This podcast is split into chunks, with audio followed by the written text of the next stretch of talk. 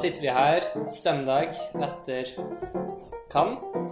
Eh, snart klar til å avreise for min del. Eh, mitt navn er Eivind, og dette er da Filmstedets podkast. Sitter her sammen med Øystein. Hei, Øystein Egge heter jeg. Hei, hei. Eh, vi skal eh, rett og slett eh, Vi har vært i Cannes, som sagt, og vi skal snakke litt om det filma vi har sett. Det skal vi gjøre. Nå i går kveld så blei eh, de ettertraktede prisene utdelt. Og eh, vi kan jo eh, allerede nå avsløre at det var ganske forventa, det, det resultatet det ble. Og egentlig også veldig gode valg. Ja, jeg syns det var en ganske sånn det var, en, det, var en, det var ganske mye gode valg, men det var også en ganske forutsigbar prisutdeling, eh, syns vi. Um, vi kan jo egentlig gå litt sånn gjennom de filmene som faktisk eh, fikk eh, disse prisene. Det er litt sånn vår plan. Vi har litt eh, tidspress på oss til å fullføre, så vi skal gå litt kjapt gjennom det. Og så skal vi snakke litt etterpå om eh, noen av våre egne favoritter ellers fra festivalen. da. Ja, Vår egen lille prisutdeling. ja, som ikke baserer seg på konkurranseprogrammet til Cannes eller noe sånt. Det er bare på tvers av alt. Ja. Um, Hvis vi bare går fra på selve prisene, da, så Ja, altså tar, det, var, det var flere priser enn dem vi går gjennom nå som var delt ut, uh, men vi, vi, tar liksom de, de hovedviktigste prisene for uh, liksom det offisielle konkurranseprogrammet. Uh, da var det altså beste manus, som gikk til Alice Rohrwacher for um, en film som heter Lazaro Felice, eller Happy as Lazaro, som den heter på engelsk. Den fikk bare jeg sett. Du fikk ikke sett den, Øystein? Jeg fikk ikke sett den, så der kan jeg ikke bidra med noe. Nei. Men uh, den vet jeg får norsk kinodistribusjon, så den uh, blir spennende. Den, den er en ganske sånn underfundig film å få med seg, som jeg tror, jeg, jeg tror mange kan sette pris på. Um, har, men den prisen ble også delt mellom da eh, Jafar Panahi sin nyeste film, The Three Faces. Det var da den samme filmskaperen som eh, for noen år siden vant eh, Gullbjørn i Berlin for Taxi Teheran, som hadde, gikk på norske kinoer. Eh, den så vi begge. Three Faces. Ja, og det, det er for så vidt en um, Jeg syns filmen er god. Det handler da om um, tre kvinner. Eh, og så har vi Jafar Panahi selv i, som på en måte midtpunktet i filmen. Eh, men det er et portrett av tre kvinner som på en måte representerer tre ulike generasjoner av Iran. Tre skuespillere som vi da følger gjennom Jafar Panais bil i all hovedsak. Så sånn sett så, så, skiller den seg ikke så rent mye fra Taxi til Iran. Det er jo litt så morsomt hvor med Jafar Panais Eller morsomt, det er ganske fælt, egentlig. Men eh, at han, han, har jo husarrest og får ikke lov til å lage film i eh, Iran. Eh, men lager jo egentlig ganske bra filmer til, til tross for de forutsetningene han har, da. Det er en veldig sånn typisk ting ved de iranske filmskaperne at de klarer å bruke de forutsetningene til sin fordel. Ja. og Panais store læremester. Um, Abbas Kiarostami, som uh, denne filmen er veldig inspirert av. Uh, så ser man at det, dette er en sånn typisk sånn uh, ut på den iranske landsbygda-film. Ja. Har mye fint ved seg, men litt sånn midt på treet, altså, hvis vi skal være ja. ærlige. Skal, skal ikke gå så dypt inn i den akkurat her, men det er definitivt en film det er verdt å ta en titt på. på Kommer vel helt sikkert på noen uh, lokale filmfestivaler etter hvert. Helt sikkert mulig den får distribusjon også. Det skal ikke se bort ifra det. har ikke oversikt over her og nå. Uh, vi bare fortsetter videre på lista. Uh, ja. Beste kvinnelige skuespiller gikk til Samal Yeslayamova for filmen 'Aika'. Eh, som er en eh, Kanskje Nei, Det er en slags ekstrem sosialrealistisk eh, film ja. eh, fra Russland. Den er, filmen er egentlig fra Kasakhstan, er det? Ja, filmen foregår i hvert fall i uh, Russland. eh, og handler da om arbeidsinnvandrere. Regissøren er fra Kasakhstan. Sånn er det. Ja, Ok. Sergej Dvortsevoj. Ja. Han har laget bl.a. en film som het 'Tulipan' for tror det er ti år siden. Mm. Uh, det er jo eh, Det var noen som uh, sammenligna den litt med um, Dardenne-brødrene. For det er en veldig sånn umiddelbar, nesten dokumentaristisk eh, fotfølgende kamera. Mm. Som vi følger da denne hovedkarakteren hvor, som har eh, nettopp født, eh, og som eh, har gjeld, og som lever under svært dårlige kår. Og det er Alt er mørkt. Alt går dårlig, som regel. Eh, og det er rett og slett sånn sett en ganske ubehagelig film å se på. Eh, For min del så ble jeg aldri oppslukt av filmen. Jeg ble heller aldri sånn særlig kjent, godt kjent med hovedkarakteren. Men eh, hun klarer å portrettere en lidelse og en eh, håpløshet på en god måte. Så jeg forstår godt at den filmen på en måte blir eh, tilgodesatt. med- Ja, jeg er litt, jeg er litt enig i din opplevelse av filmen. At, eh, at eh, den, den grei, filmen greide ikke å gripe med så eh, så voldsomt som den kanskje egentlig burde gjøre. Men, men jeg syns hennes eh, rolleprestasjon var god, så jeg, jeg på en måte anerkjenner den, eh, den eh, prisen til eh, Samal Jeslamova. Eh, beste mannlige skuespiller gikk til Marcello Fonte i filmen 'Dogman', som var regissert av Matteo Garone. Eh, tidligere kanskje mest kjent for å ha laga filmer som eh, 'Gomorra' og eh, for noen få år siden 'Tale of Tales'. Eh, en film om eh, Den var bare i sin sett. En film om for en, en, en litt sånn puslete hundedressur som eh, har eh, lar seg styre av en eh, litt sånn voldelig eh, biker. litt inni ma mafiasetting på den italienske landsbygda. Syns nok ikke det var den mest gripende filmen jeg har sett av, av Garonne. Garone. Eh, men, eh, og jeg syns kanskje også egentlig litt at eh, den eh, hovedpersonen spilte litt i overkant kar- karikert. Så jeg var ikke helt enig i at det var den beste mannlige hovedrolleprestasjonen. Men ok, greit. Han, var en, han er en veldig sånn eh, sjarmerende type, og da han tok imot prisen på prisutdelinga, så han er helt eh, veldig sånn, Det var veldig morsomt å se på hvor glad han ble. Men kanskje over til noe som vi eh, el- Ja, en film vi begge har sett, iallfall. Ja. Eh, regiprisen som gikk til eh, Pavel Pavlikovskij eh, for filmen 'Cold War'. ja. Eh, Pavlikovskij eh, fikk, eh, var, ble litt oppe i vinden for noen år siden da han hadde den filmen som heter 'Ida'. ja. Han vant vel også Oscar for beste Vant Oscar for, for den. Eh, som, var- og den var, fikk jo veldig mye oppmerksomhet pga. det helt sånn fantastisk flotte bildespråket i et sånn skutt i 4-3-format, men helt sånn utrolig flotte sort-hvitt-bilder. Og egentlig så gjør den jo det samme nå, sånn rent sånn eh, visuelt. Ja.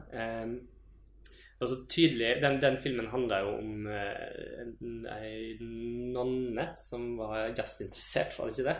Jo. Eh, og det er tydelig at musikk er en viktig del for eh, Viktig for Pavlikovskij. Ja, det er jo flere sekvenser i den nye filmen her som ser nesten litt snytt ut av Idas nese. nese.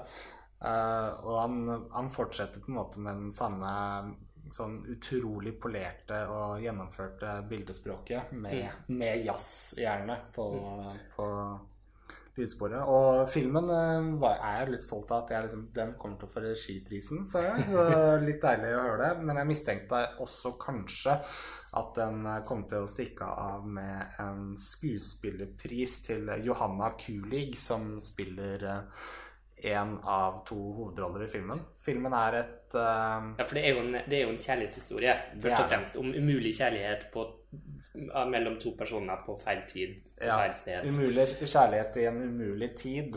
Og så, Filmen heter jo Cold War, så det, det er den, den kalde krigen som på en måte er bakteppet rundt eh, Eller ramme- altså noe som, det, det som at du Dette er liksom en historie som foregår på 50-tallet, eh, og så hopper den litt sånn episodisk frem, fremover i tid, og vi på en måte følger disse, dette paret som eh, eh, både på den ene og den andre sida av eh, eh, jernteppet.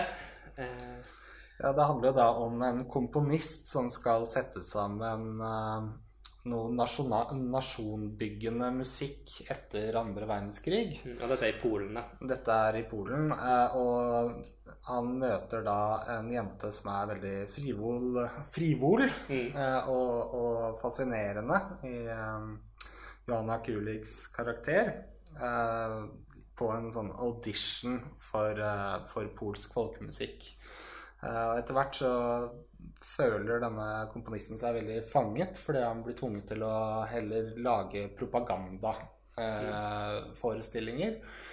og ønsker da å ta med seg Johanna ut av Ja, ønsker å hoppe av, rett og slett. Ja. Eh, Og og, ja, altså denne filmen får nok helt sikkert eh, norsk kinodistribusjon, så vi trenger ikke spoile trenger ikke å spoile hele, nei. Nei. Men det er en slags amour fou eh, som eh, Med sterke følelser og melodrama Mm. eh, i en veldig kontrollert setting. Eh, Og den er veldig kompakt på halvannen time, ikke det engang. Og en filmatisk godbit av en film. Definitivt. Uten de helt store vyene, men, eh, men veldig forståelig at den får en regipris.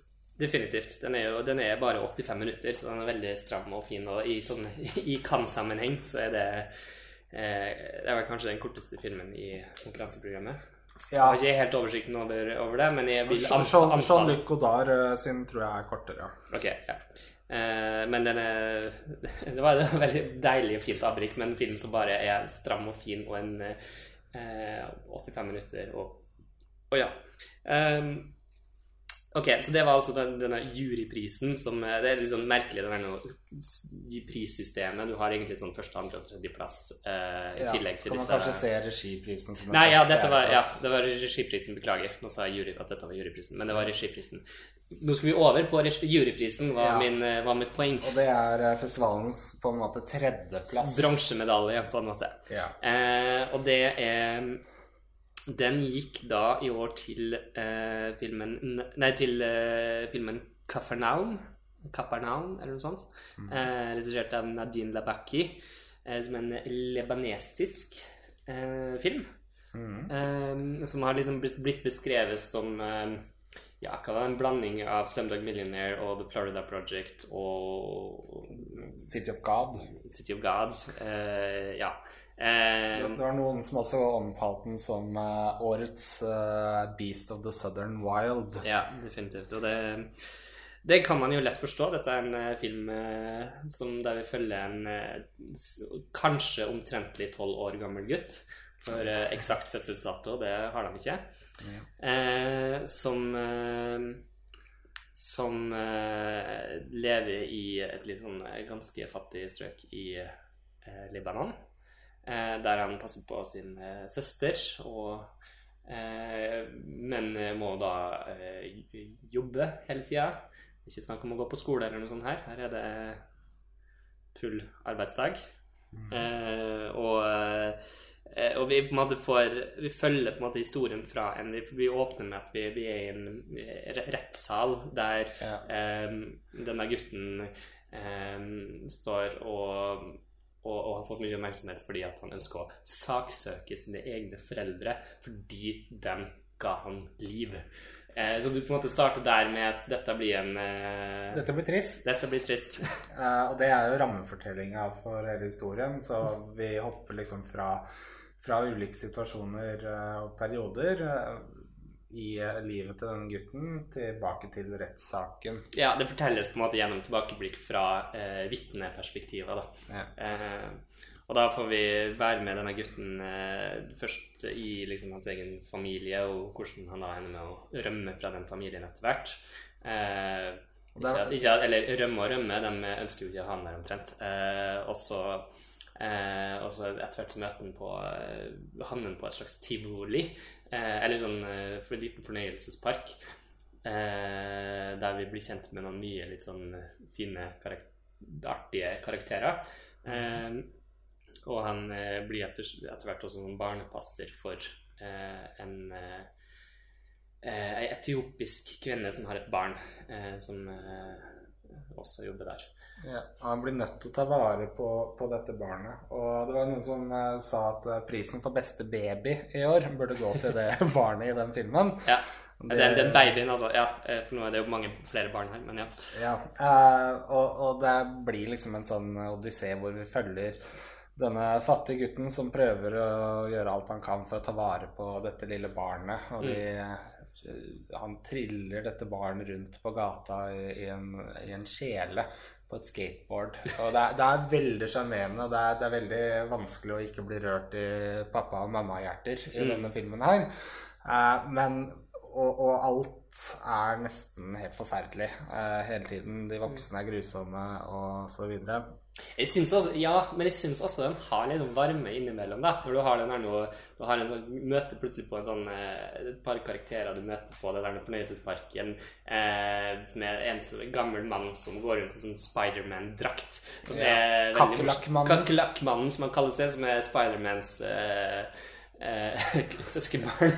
Ja. Som er veldig morsomt. Så det, liksom, den har liksom varme elementer, men, men, men den er først og fremst eh, fæl for den der nå tolv år gamle gutten som må liksom har altfor stort ansvar på, på sine skuldre hele tida. Og du ser hvordan han eh, eh, hele tida det, sånn- det er imponerende godt spilt, da. Eh, og eh, hele tida så går han med sånn halvgjen øyne fordi at han, du ser at han er så sliten eh, for alt. Eh, Og det er jo en gutt som har måttet vokse opp eh, altfor tidlig. eh, og han har en sånn innebygd forsvarsmekanisme hvor han er frekk og eh, altså han er veldig grov i språket, og han oppfører seg jo som en slags voksen eh, i et barns kropp. Og det det, det man sier at, at han spiller veldig bra, og det er jo litt det at han blir på en måte en, et filmbarn. Et Mm. spillende filmbarn Mm. som på en måte kanskje ikke passer helt inn i liksom, den realismen til filmen. eh, hvis man skal ha noe å utsette på den.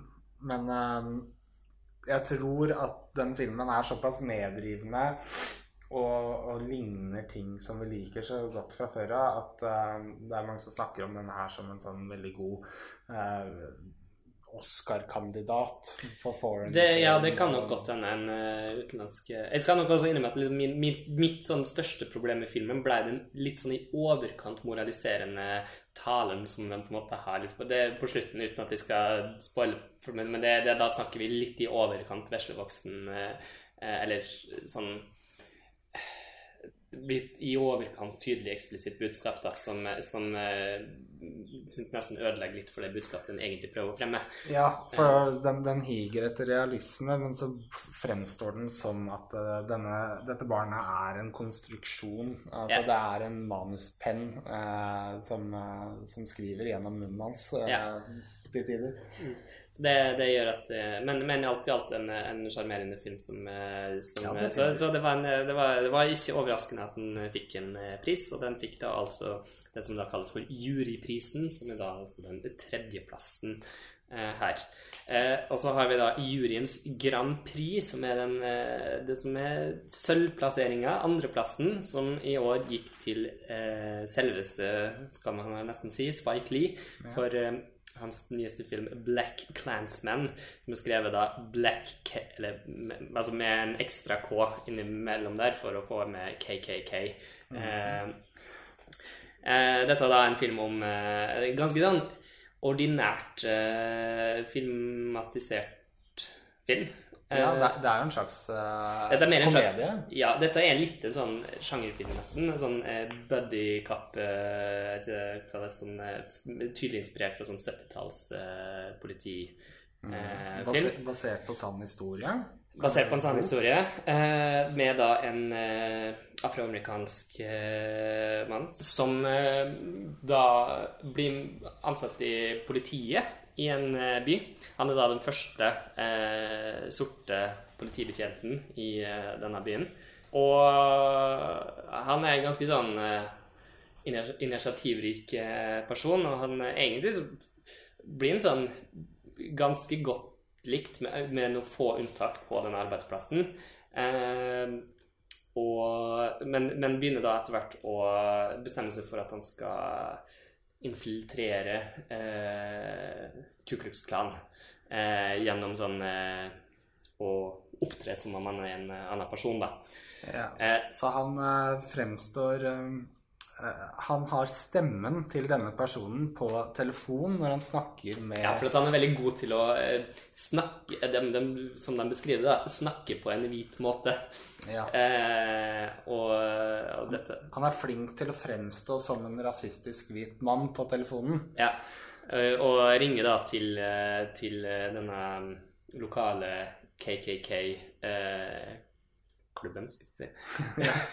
Eh, og, men når han, når han da skal møte opp eh, in person, da, så det, ja, det blir det litt vanskeligere. Så da eh, er det en annen politibetjent, spilt av Adam Driver, som, eh, som da er jødisk. Eh, det blir jo et poeng, fordi at eh, KKK er jo da eh, like sinte på sorte som er med på jøder.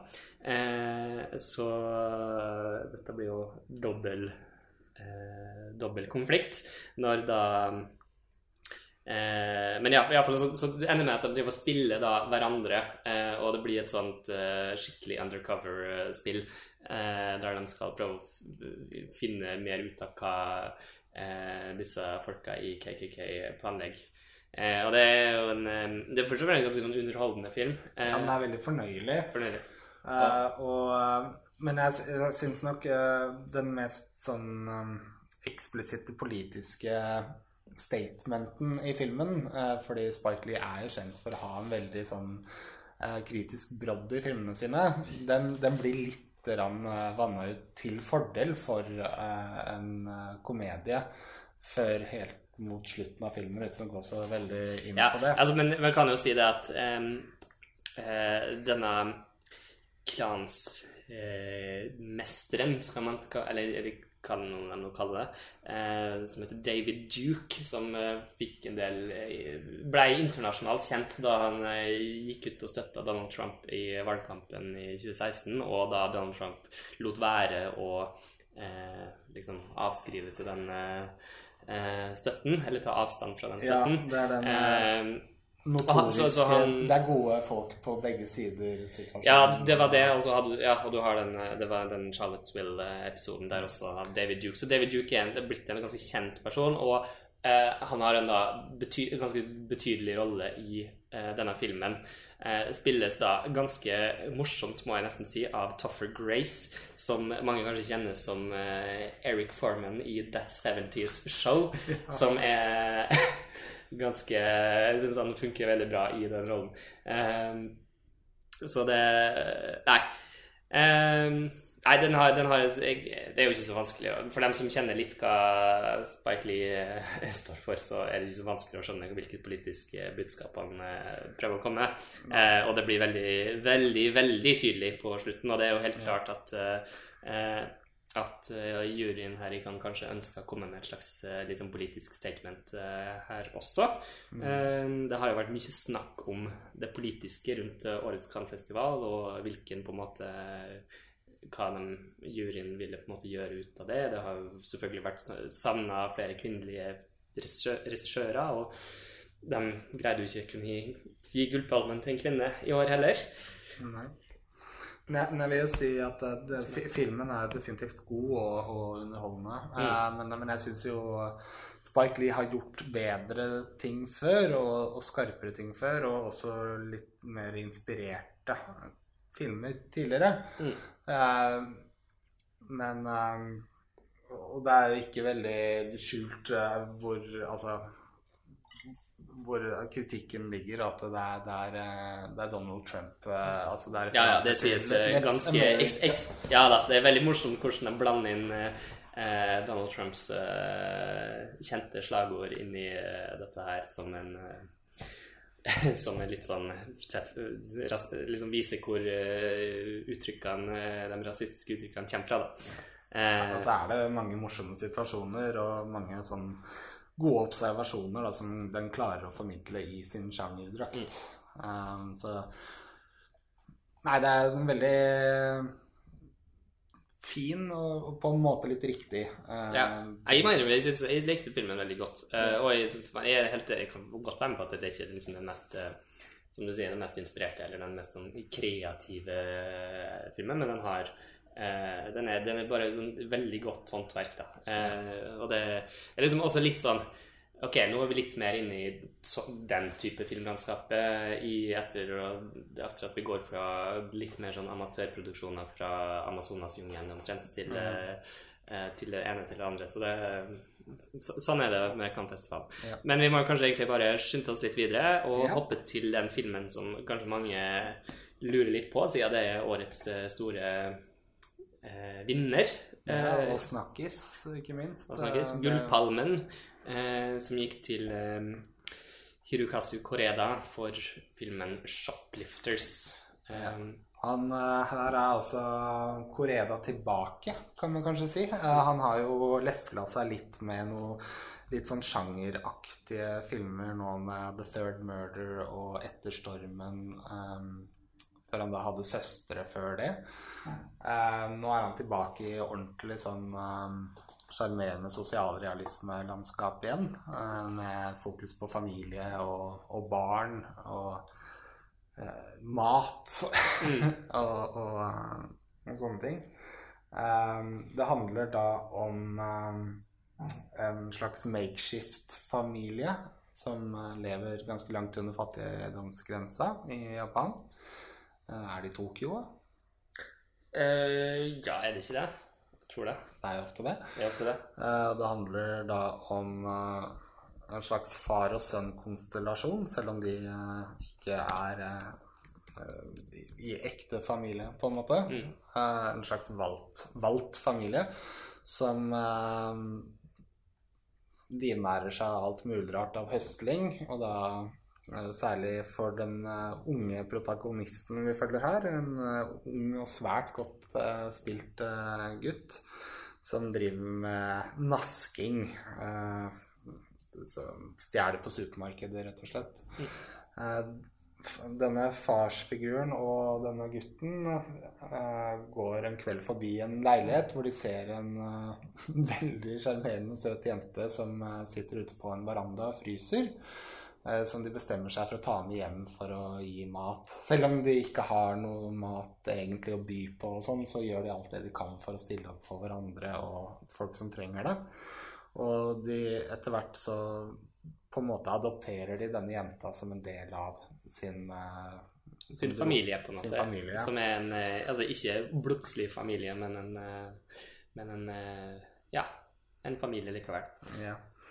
Og filmen er jo uhyre sjarmerende, og jeg syns Her vet jeg at vi har litt sånn forskjellig innfallsvinkel til Koreda. Ehm, jeg er ikke noe sånn frelst av Koreda selv. Men det at den måten han klarer å ha en humanisme på og portrettere karakterer på, syns jeg er at han er veldig unik på å klare å få til en sånn varme mm. i, i, i, sine portretter på, og behandling av familie på. Uh, så jeg syns denne filmen her er til tider veldig morsom. Uh, veldig sjarmerende og veldig rørende. Fordi det skjer jo ting etter hvert som blir veldig trist. fordi denne type familier er jo på en måte ikke Det står liksom ikke i, i samsvar til, til hvordan familier ifølge loven skal være. Mm. Så de havner jo i en veldig trist situasjon, uten å si så veldig mye mer enn det. Ja. Nei, jeg er jo på en måte enig i veldig mye av det du, du sier her, og beskriver beskrivelsen av filmen. Og, dens, og den er sjarmerende, og den er fin historie, og den, den har et sterkt sånn humanistisk budskap som jeg også kan sette pris på. Eh, at jeg, liksom, dette har jeg begynt å merke meg med at jeg har sett noe, flere filmer av Koreda.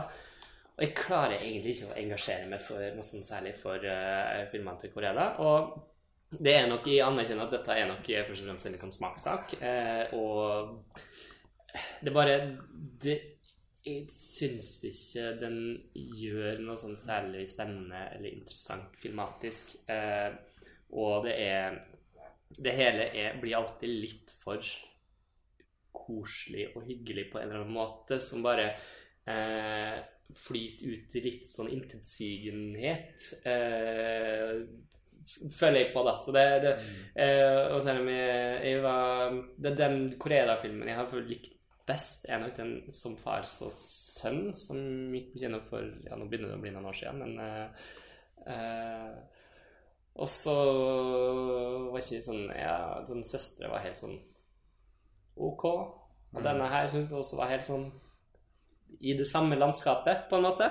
Eh, så Nei, altså, jeg anerkjenner, anerkjenner Koreda, og jeg syns den er så det, det, er nok vel fortjent uh, at han får uh, Gullpalmen. Og uh, han er jo en særdeles viktig filmskaper i vår tid. Så, så, på en måte ingen ingen sånn hat mot, uh, mot, det. Det er bare det er ikke en filmskaper som engasjerer meg noe sånn særlig. Og hans Nei. stil og måte å lage film på er ikke det, det, det, har bare aldri fungert så for meg, og det Det er jo en ærlig sak, det. Det er en ærlig sak. Det, det er min, min, min, innfallsvinkel til det. Og jeg syns på en måte da ikke at Shoplifters gjorde noe mer enn mye mer enn det andre filmer til Korea har gjort. Og, eh, så ja, så på ingen måte min favoritt i uh, konkurranseprogrammet, men, uh, men ja, sånn helt ok.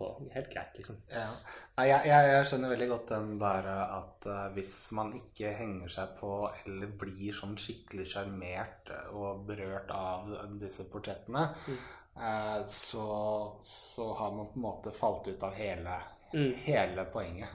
ja, og det, det, er egentlig, egentlig, litt rart, for det er mange, mange, kvaliteter som på en måte egentlig trekkes frem fra Koreda, som egentlig er ting jeg setter pris på med andre filmskapere og andre filmer, men da er det kanskje Det er liksom alltid liksom helheten av det hele som, eh, som bygger det opp, da, og eh, Koreda har da kanskje satt sammen noen knagger som jeg bare Det bare treffer ikke så lett for min del. Men det, det er min sak, og jeg skal, jeg skal den, er, den, er, absolutt verdt å se. Og, ja, jeg, jeg, jeg, sånn, det, er ikke, det, er ikke, noe ufilm, absolutt ikke. Og det er en den, den er eh, ja. jeg, er jo betydelig mer, mer positivt innstilt til uh, Koreda, og kanskje særlig denne filmen. Mm. Uh, fordi um, det er kanskje den filmen av Koreda jeg har likt best til nå.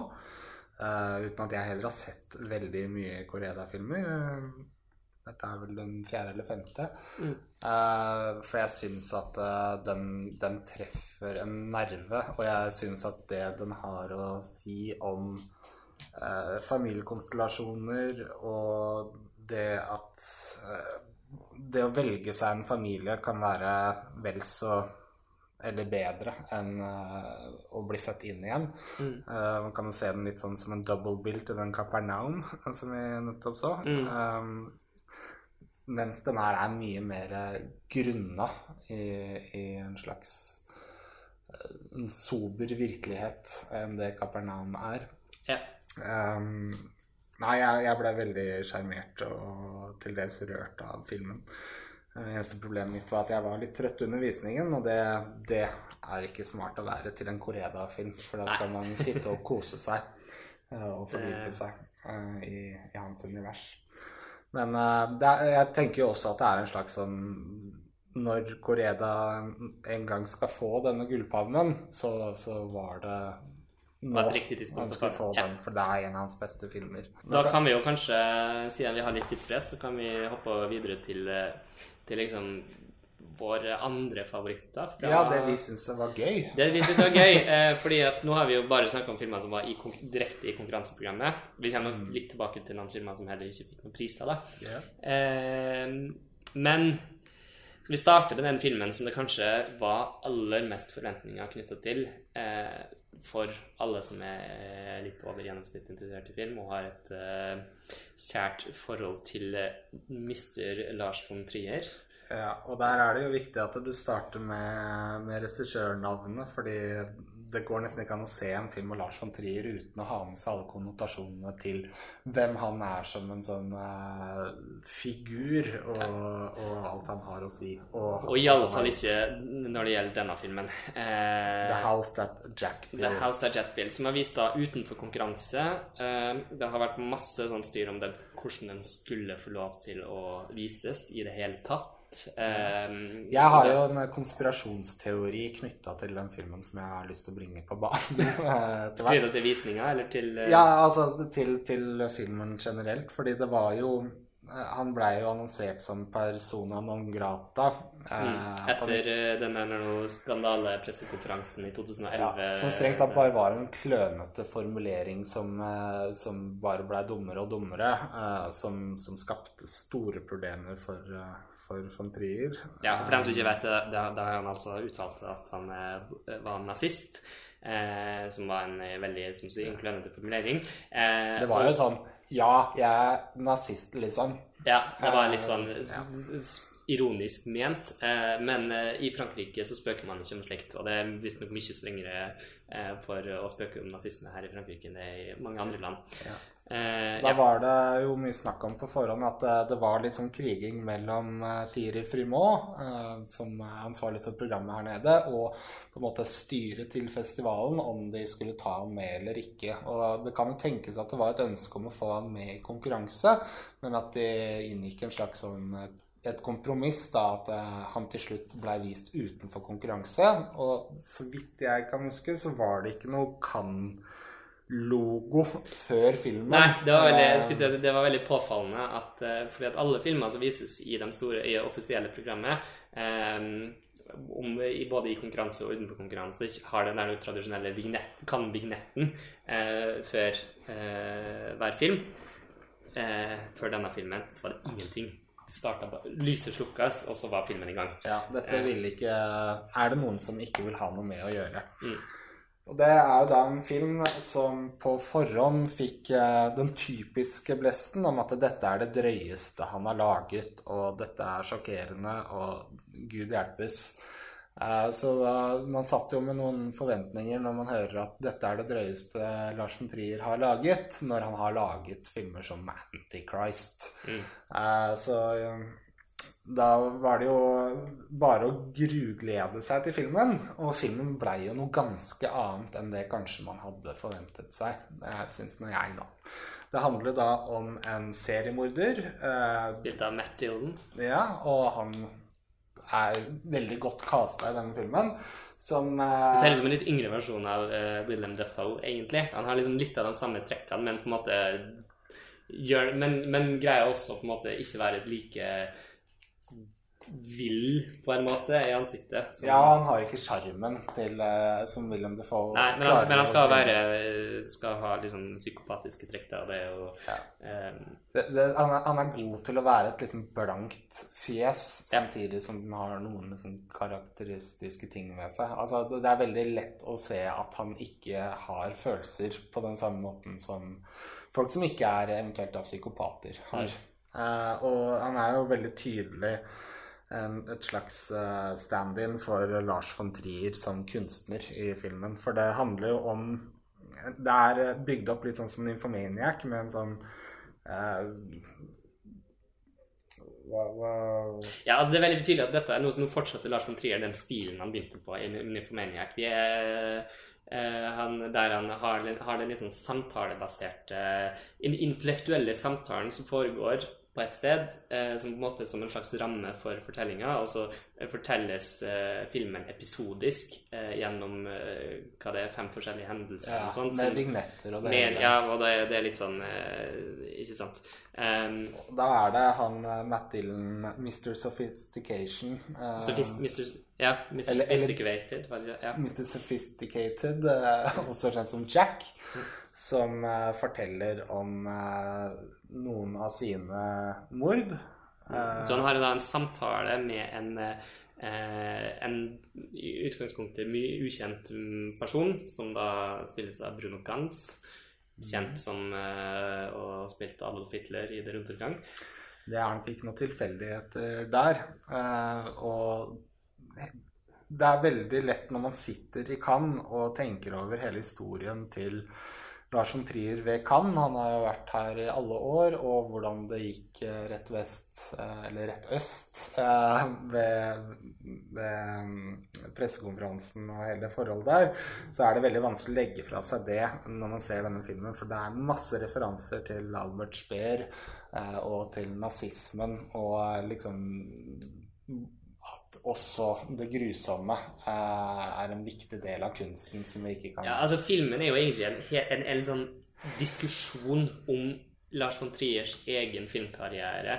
Eh, og satt opp i en litt sånn større kunstnerisk diskusjon om og, og hvilken liksom, er, hvor, hvor har ondskap inni kunsten å gjøre? Og liksom, eh, på et tidspunkt så bruker bruker en når det er en liksom essayistisk form der han eh, snakker om ondskap i kunst, og så vises det klipp fra tidligere filmer som han sjøl har laga, som er helt sånn veldig tydelig at nå snakker han bare om det er veldig sånn metagrep at han snakker Ja. om sin egen eh, karriere. og dette er ikke, det, det er på en måte det er liksom helt sånn fraskilt fra liksom handlinga i filmen. Så på en måte er litt sånn sånn eh, Det er liksom andrerangert, på en måte. Ja. sekundært i Det er uh, Autørbegrepet kommer ganske tydelig fram i denne filmen her. At eh, man, man ser den i lys av Lars von Trier. Mm. Eh, og den, på en side snakker den om eh, det grusomme i kunsten, og at man må skille kunsten fra filmskaperen altså kunstfilmen fra kunstfilmskaperen. Eh, og på et, et sett så virker det litt som en unnskyldning fra Lars von Trier, samtidig som det er fuck you, jeg gjør som jeg gjør. Eh, på en side så virker det som at han prøver å forklare hvorfor han gjør som han gjør, Uh, samtidig som han prøver å gjøre litt narr av seg selv. uh, og hvorfor han gjør som han gjør. Mm. Og det er masse digresjoner med forklaringer av ulike fenomener og musikk og arkitektur og så videre. Så det er en veldig rik film som minner veldig mye om Nymphomaniac. Eh, og med det sagt så syns jeg det er masse kult å se i filmen. Jeg synes det det er alltid gøy å se en Lars von Trier-film. Men for min del så syns jeg at eh, han er veldig god i mange av filmene sine til å trekke oss mellom det intellektuelle og det følelsesmessige i sine filmer, sånn som i Dogville eh, og eh, så Ja, jeg syns Dogville er et veldig god, godt eksempel på det. At eh, han prøver å få oss til å tenke, samtidig som han plutselig angriper oss med noe som er svært ubehagelig på skjermen. Og denne filmen skorter jo ikke på ubehageligheter, men det er Av og til så fremstår det mer som en komedie enn enn som en sånn uh, Nå skal du få en ordentlig støkk tilskuer. Ja, for dette er jo faktisk en skikkelig morsom film. Eh, Ja, det er det. Tross alt. Når eh, eh, den, den, eh, den har jo fått liksom rykte på seg for å være helt insane forferdelig eh, etter en del reaksjoner som har kommet nå. Og det er den jo ikke i det hele tatt. Nei, altså den har jo enkelte sekvenser som er som er skikkelig drøye, det må man jo si. Det, men, men, men, det, men det er liksom litt hvilke forventninger du på en måte har til det, og, hvilke, og liksom litt hva man mener med eh, med drøyhet i det, da.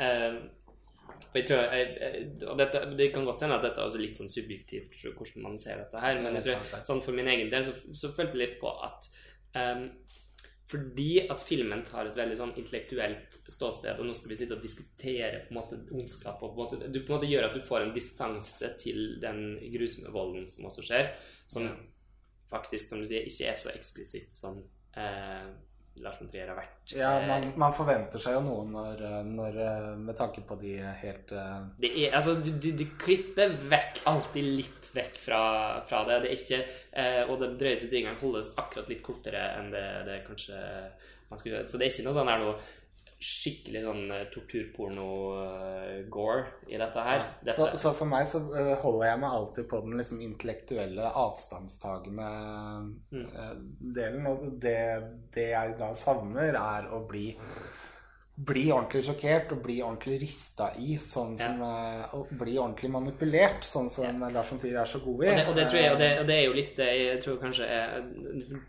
at Lars von Trier tidligere, eh, iallfall i, i, hvert fall i sin periode på um, midten av 2000-tallet, kanskje, Ja. eh, var, hadde en mye større eh, sentimentalitet i sine filmer. Eh, som på en måte var nesten Mange kunne også påstå at den var litt i overkant manipulerende, som 'Dancer in the Dark', som er liksom så vond fordi at han bare spiller på alle disse strengene som du, Ja. eh, du kan hele tida. Har I både Nymphomaniac og, eh, og nå også The House of Jack Built, så, så føler jeg at den eh, han, han spiller ikke på den type strenger lenger. Han, han, nå skal Nei. han sitte og diskutere det fra et litt mer sånn eh, Fra et litt sånn avstandsblikk, og det gjør at det som skjer av grusom vold, det føles ikke så like sterkt på kroppen eh, lenger. Fordi han eh, lager film på en litt annen måte nå. Ja, Eh, og så, og så har vi jo liksom allerede blitt, uh, blitt servert de grusomme tingene, så vi er på en måte kanskje litt mer vant til det og forventer det. Uh, så vi må nok kanskje se at Lars von Trier er en litt annen filmskaper nå enn det han har vært tidligere. Eh, men eh, samtidig så savner jeg den eh, Han sa jo i Epidemic selv en gang at en film skal være som en sten i skoen. Og jeg sitter ikke med noe sten i skoen etter denne filmen her. Jeg føler ikke at jeg blei ble berørt nok til det. Og der, der sammenligningen med med en Nymphomaniac, og der min på en måte konspirasjonsteori kommer litt inn, da, eller min ønsketenkning, er at når den theatrical-versjonen av Nymphomaniac kom, Mm. så syns jeg det var veldig mye spennende og gode enkeltdeler i filmen sånn som den var. Men jeg savna en slags uh, følelsesmessig investering, og jeg savnet også liksom kanskje det, det, det skikkelig svinehundaktige vonde i, i portrettet. Men når Directors Cut kom, så fikk jeg de, den tiden til å bli kjent ordentlig med karakteren, og jeg også, fikk også de sekvensene som virkelig tok kaka. Uh, Så jeg føler jo på en måte at denne filmen er allerede lang, på to og en halv time eller noe sånt. Mm. Men jeg skulle kanskje ønske at den var lenger, og at vi fikk litt bedre tid til å bli kjent med, med karakteren og få hele den der følelsesmessige delen av filmen inn på en bedre måte. Mm. Så jeg, jeg forestiller meg litt at ja, det er et kompromiss at den havner utenfor konkurranse, men kanskje det også er et slags kompromiss at det, kanskje det har vært noe saks uh, inne her, og det har vært noen kompromisser på innholdsplanet også. Mm. Um, men det, det er jo bare min eh, konspirasjonsmessige ønsketenkning å lengte litt etter en director's cut av denne filmen. Uh, men det kan hende at det bare er en litt sånn uh, rufsete fuck you-film også. Ja. Det er, det er veldig masse som kan sies om denne filmen. Og jeg tror også, jeg gleder meg litt til å få, få, få sett filmen på nytt. Og på en måte kunne Jeg tror den kanskje kan bygge seg opp eh, enda mer da. Ja, for da, da legger, mer legger man borti forventningen om at dette skal være helt jævlig, og, og at det, det Mm. er en annen film enn det man forventa seg. Da. Og så Mm. kan man ta det for det det er. mm. eh, Så den samtalen får eventuelt fortsette når filmen eh, kommer på kino Ja. igjen. Men det er en Lars von Trier-film, og hvis man er glad i Lars von Trier, så er dette definitivt eh, noe som er veldig verdt å få med seg. For det Det- det det, er bedre enn det meste andre, Ja. uansett. Eh, det, er- det er det absolutt. Eh, men fra en infanterible til en annen, da. Eh, Ja. Og Eh, eh, festivalens definitive høydepunkt, i hvert fall for meg. ja, jeg tror det må ble nok det for min del også. Eh, den helt klart, soleklart beste filmen som vi så her eh, i Cannes. Eh, den æren gis til Gaspar Noé, som er tilbake med en ny film. Eh, filmen heter Climax. Ja. Ja, Det er- og Øystein, ta oss gjennom Climax, du som er Gaspar Noé-ekspert. Jo, tusen takk. Jeg hadde leflet litt med Gaspar Noé tidligere, og Climax er en sånn film som han har lagd på veldig kort tid. Eh, Det blei jo også irreversibel i sin tid, som er eh, kanskje min eh, Gaspar Noé-favorittfilm. Eh, Climax kom litt ut av intet ved at eh, Gaspar Noé var fascinert av noe voging og noe dansing han så. og han hadde noen tanker om å lage en film om dop. Og så kobla han disse to tingene sammen, kasta ut et eh, manus, filma på to uker eller noe sånt, eh, og klippa litt. Og så blei hele filmen eh, fra den blei påtenkt til den var ferdig, det tok vel fem måneder eller noe sånt, sies det da. Og på samme måte som Irreversibel, så har han da klart å lage en av sine beste filmer på den tida, syns nå jeg. Det, historien er, eller rammefortellingen er det at eh, Vi er sammen med noen unge mennesker, noen dansere, som er svært gode dansere, som eh, samles på en slags nedlagt skole, eller de er på en skole i en helg, så det er ingen der. Eh, hvor de har en avslutningsfest. De går gjennom en av sine rutiner, som vi får se i sin helhet i starten av filmen. Eller litt etter starten. Vi kan komme inn på det seinere. Eh, som bare er en utrolig inspirert, eh, utrolig stilig og kul eh, forestilling. Hvor eh, danserne er inspirert, men også filmskapningen er inspirert. Og vi, vi danser med, eh, på en måte. Og den starter sånn sett som en sånn feiring av bevegelse og rytme. Eh, og det er bare utrolig kult å se på. Så er det en Så følger vi et par sånne Det klippes mellom noen samtaler om ganske pervers eh, sexprat. Eh, og det viser seg at de alle sammen blir servert en punch som er spika med et eller annet sykt eller LSD-lignende rusmiddel. Ja, for det at dette er det, første del er jo mer en vanlig fest. Som Ja. består av eh, samtaler stort sett mellom eh, liksom, forskjellige personer i denne dansegruppa. Og Og så bryter helvete løs.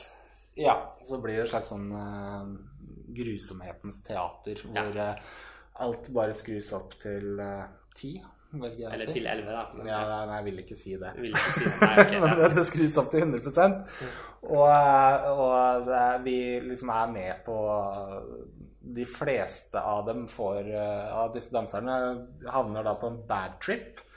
Eh, mens noen bare er helt i sin egen verden og fortsetter å danse hele natta.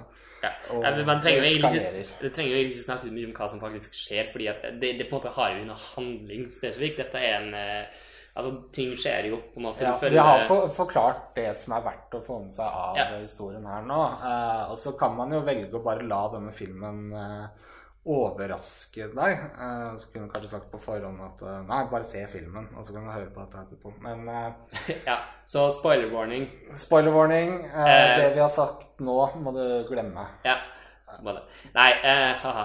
Men eh, den er jo en Det er jo nok en sånn Dette er nok en sånn audiovisuell tripp Ja, fra Gaspar Noé. Det er en cinema du body, Ja. eh, hvor det er kropper i bevegelse og også en sånn veldig fenomenologisk filmskapning som er i forsetet foran noe moral og noen ting. Fenomenologisk, hva vil det si? Eh, jo, det vil si at det er en veldig sånn kroppslig eh, filmskapning. At det, det er eh, Musikken forvrenger seg til tider. eh, du får Ja, en sånn veldig får det- det du- alarmstemning, da, og kamera beveger seg på en måte som skaper en desorientering. Altså Som vi er kjent med fra hans tidligere filmer. da, Og farger og, Ja, basically at du føler det veldig på kroppen. Det er, Ja, måte, det er en veldig kroppslig måte å lage du film ser på. på for på filmen. Da, fordi at, det- ja. Eh, du blir litt sånn eh, småsyk og kvalm av å se det også på en måte litt i den der noe litt sånn berg-og-dal-bane-aktige kameraføringa som man eh, kjører på. Tidvis så, så, så kjører kameraet helt opp, opp ned i ganske lang tid. Mm.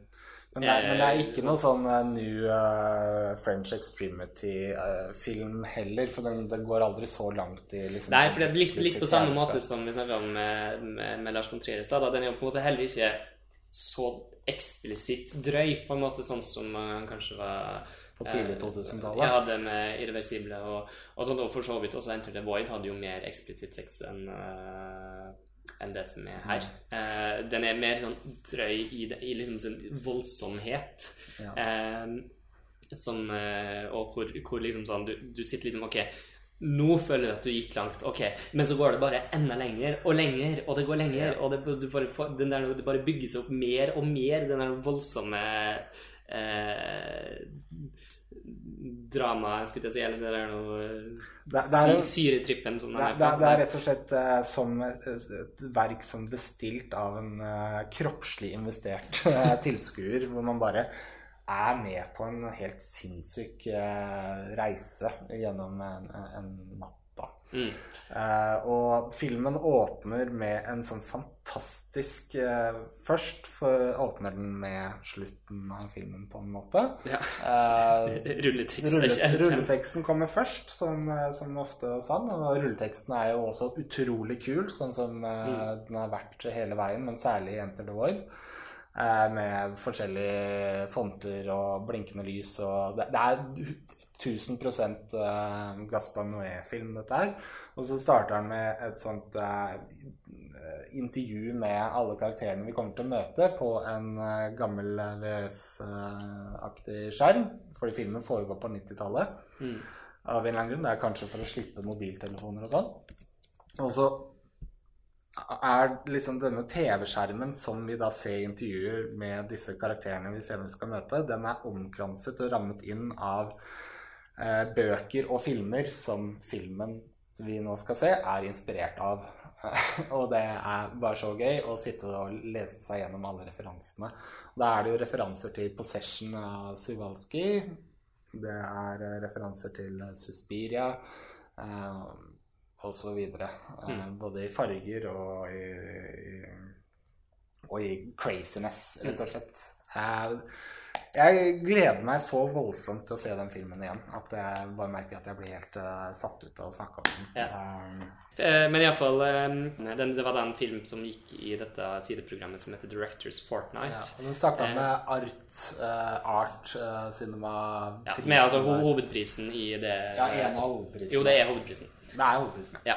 Eh, så det er Velfortjent. Den eh, vant eh, Vant liksom den prisen. Eh, Så det er, det er en rufsete Gaspar Noé-film med masse glimt i øyet og eh, alle de gode elementene som man eh, knytter til regissøren. Og virkelig et steg opp fra Love, som også er en god film på sin måte. Men um... jeg syns synes det. Min, min personlige favoritt er nok fortsatt Enter the Void, tror jeg. Men det er kanskje den filmen jeg har sett flest ganger og har et nærmest forhold, til.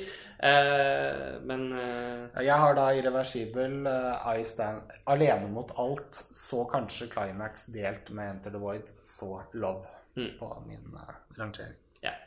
En annen litt sånn helsprø sprø film som vi virkelig skal begynne å snakke om, er helsprø. Er, som eh, vi eh, også gikk i Directors Fortnight-programmet, er da en film som heter Mandy. Ja, det er er regissert av eh, Panos Kosmatos. Eh, som tidligere har lagd den eh, Over the Black Rainbow, som også var en sånn eh, stil over innhold-aktig pussig Ja. kultfilmskrue. dette er jo kultfilm med virkelig ordet. Med, Eh, med store bokstaver på alle Det er definitivt. Denne her møter vi da Nicholas Cage i hovedrollen. Eh, som bor sammen med kjæreste, kona eller kjæresten eller noe sånt. Eh, ute i på en sånn ut, Ute i liksom amerikanske eh, Gokk. Ja. Eh, der eh, Og, og det, det hele er veldig sånn Nesten litt sånn psykedelisk i liksom eh, fortalt, fortalt og det, man, eh, det snakkes jo om Apropos liksom syretripper, så Ja. er vi jo på, på det her også, da. Eh, eh, veldig stilig visuelt eh, formidla det, da. Og så møter vi da på en del eh, Etter hvert at det er noe sånn her noe, en sånn bikergjeng.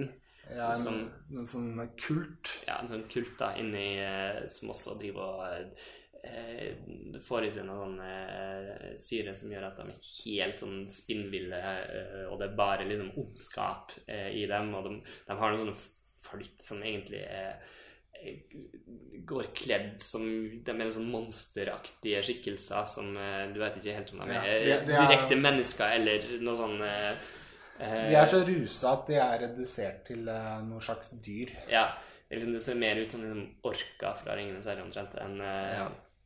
eh, og, dem, eh, og eh, i en sånn grusom episode da, så blir da denne eh, kona til eh, Nicholas Cage, eh, som da heter Mandy, eh, blir da drept av denne gjengen, denne kulten, eh, eh, etter at hun prøver å gjøre narr av sjefen, bare. At ja, de, de skal virkelig Ja, hun blir kidnappet, eh, skal tvinges til å ha sex med en kultleder, men eh, ender opp med å le av denne kultlederen eh, og synes han er patetisk, og det klarer ikke hans voldsomme narsissistiske selvbilde å takle.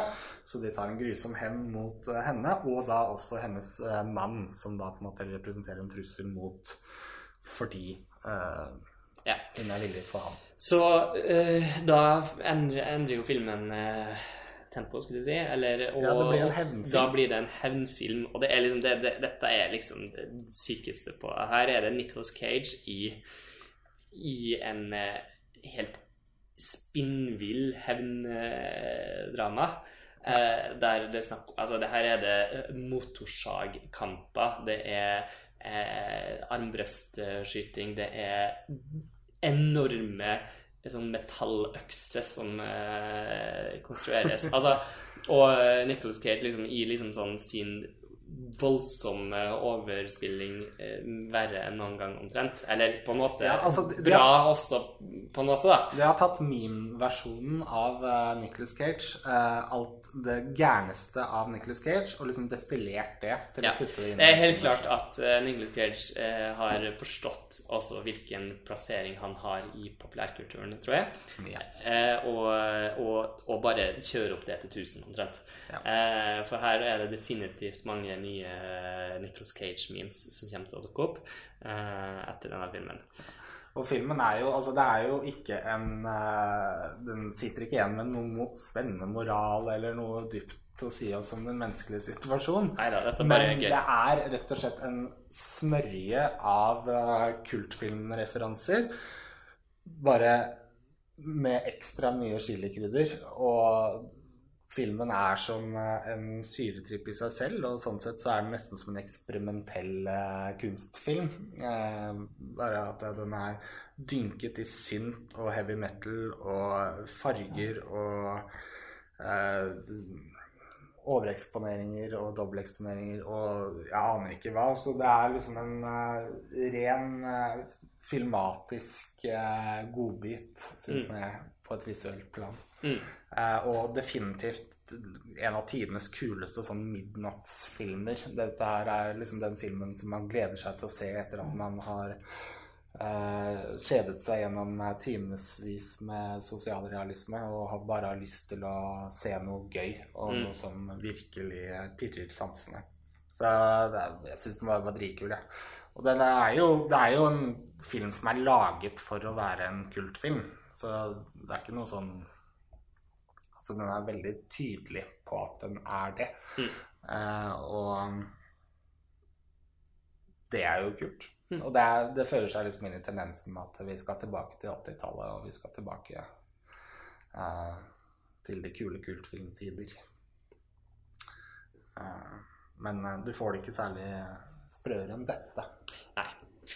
Ok, eh, vi had, har jo egentlig lyst til å snakke om mange flere filmer. Ja, Eh, vi skulle gjerne snakket om 'Burning' av Li Shangdong. definitivt. Eh, Og så er det veldig masse interessant å snakke om uh, eh, David Robert Mitchells nyeste film, 'Under the Silver Lake'. Ja, den har jo vært eh, en stor sånn eh, polariserende film her. Ja. Enten så er man med på eh, leken, eller så blir man holdt utenfor. Ja.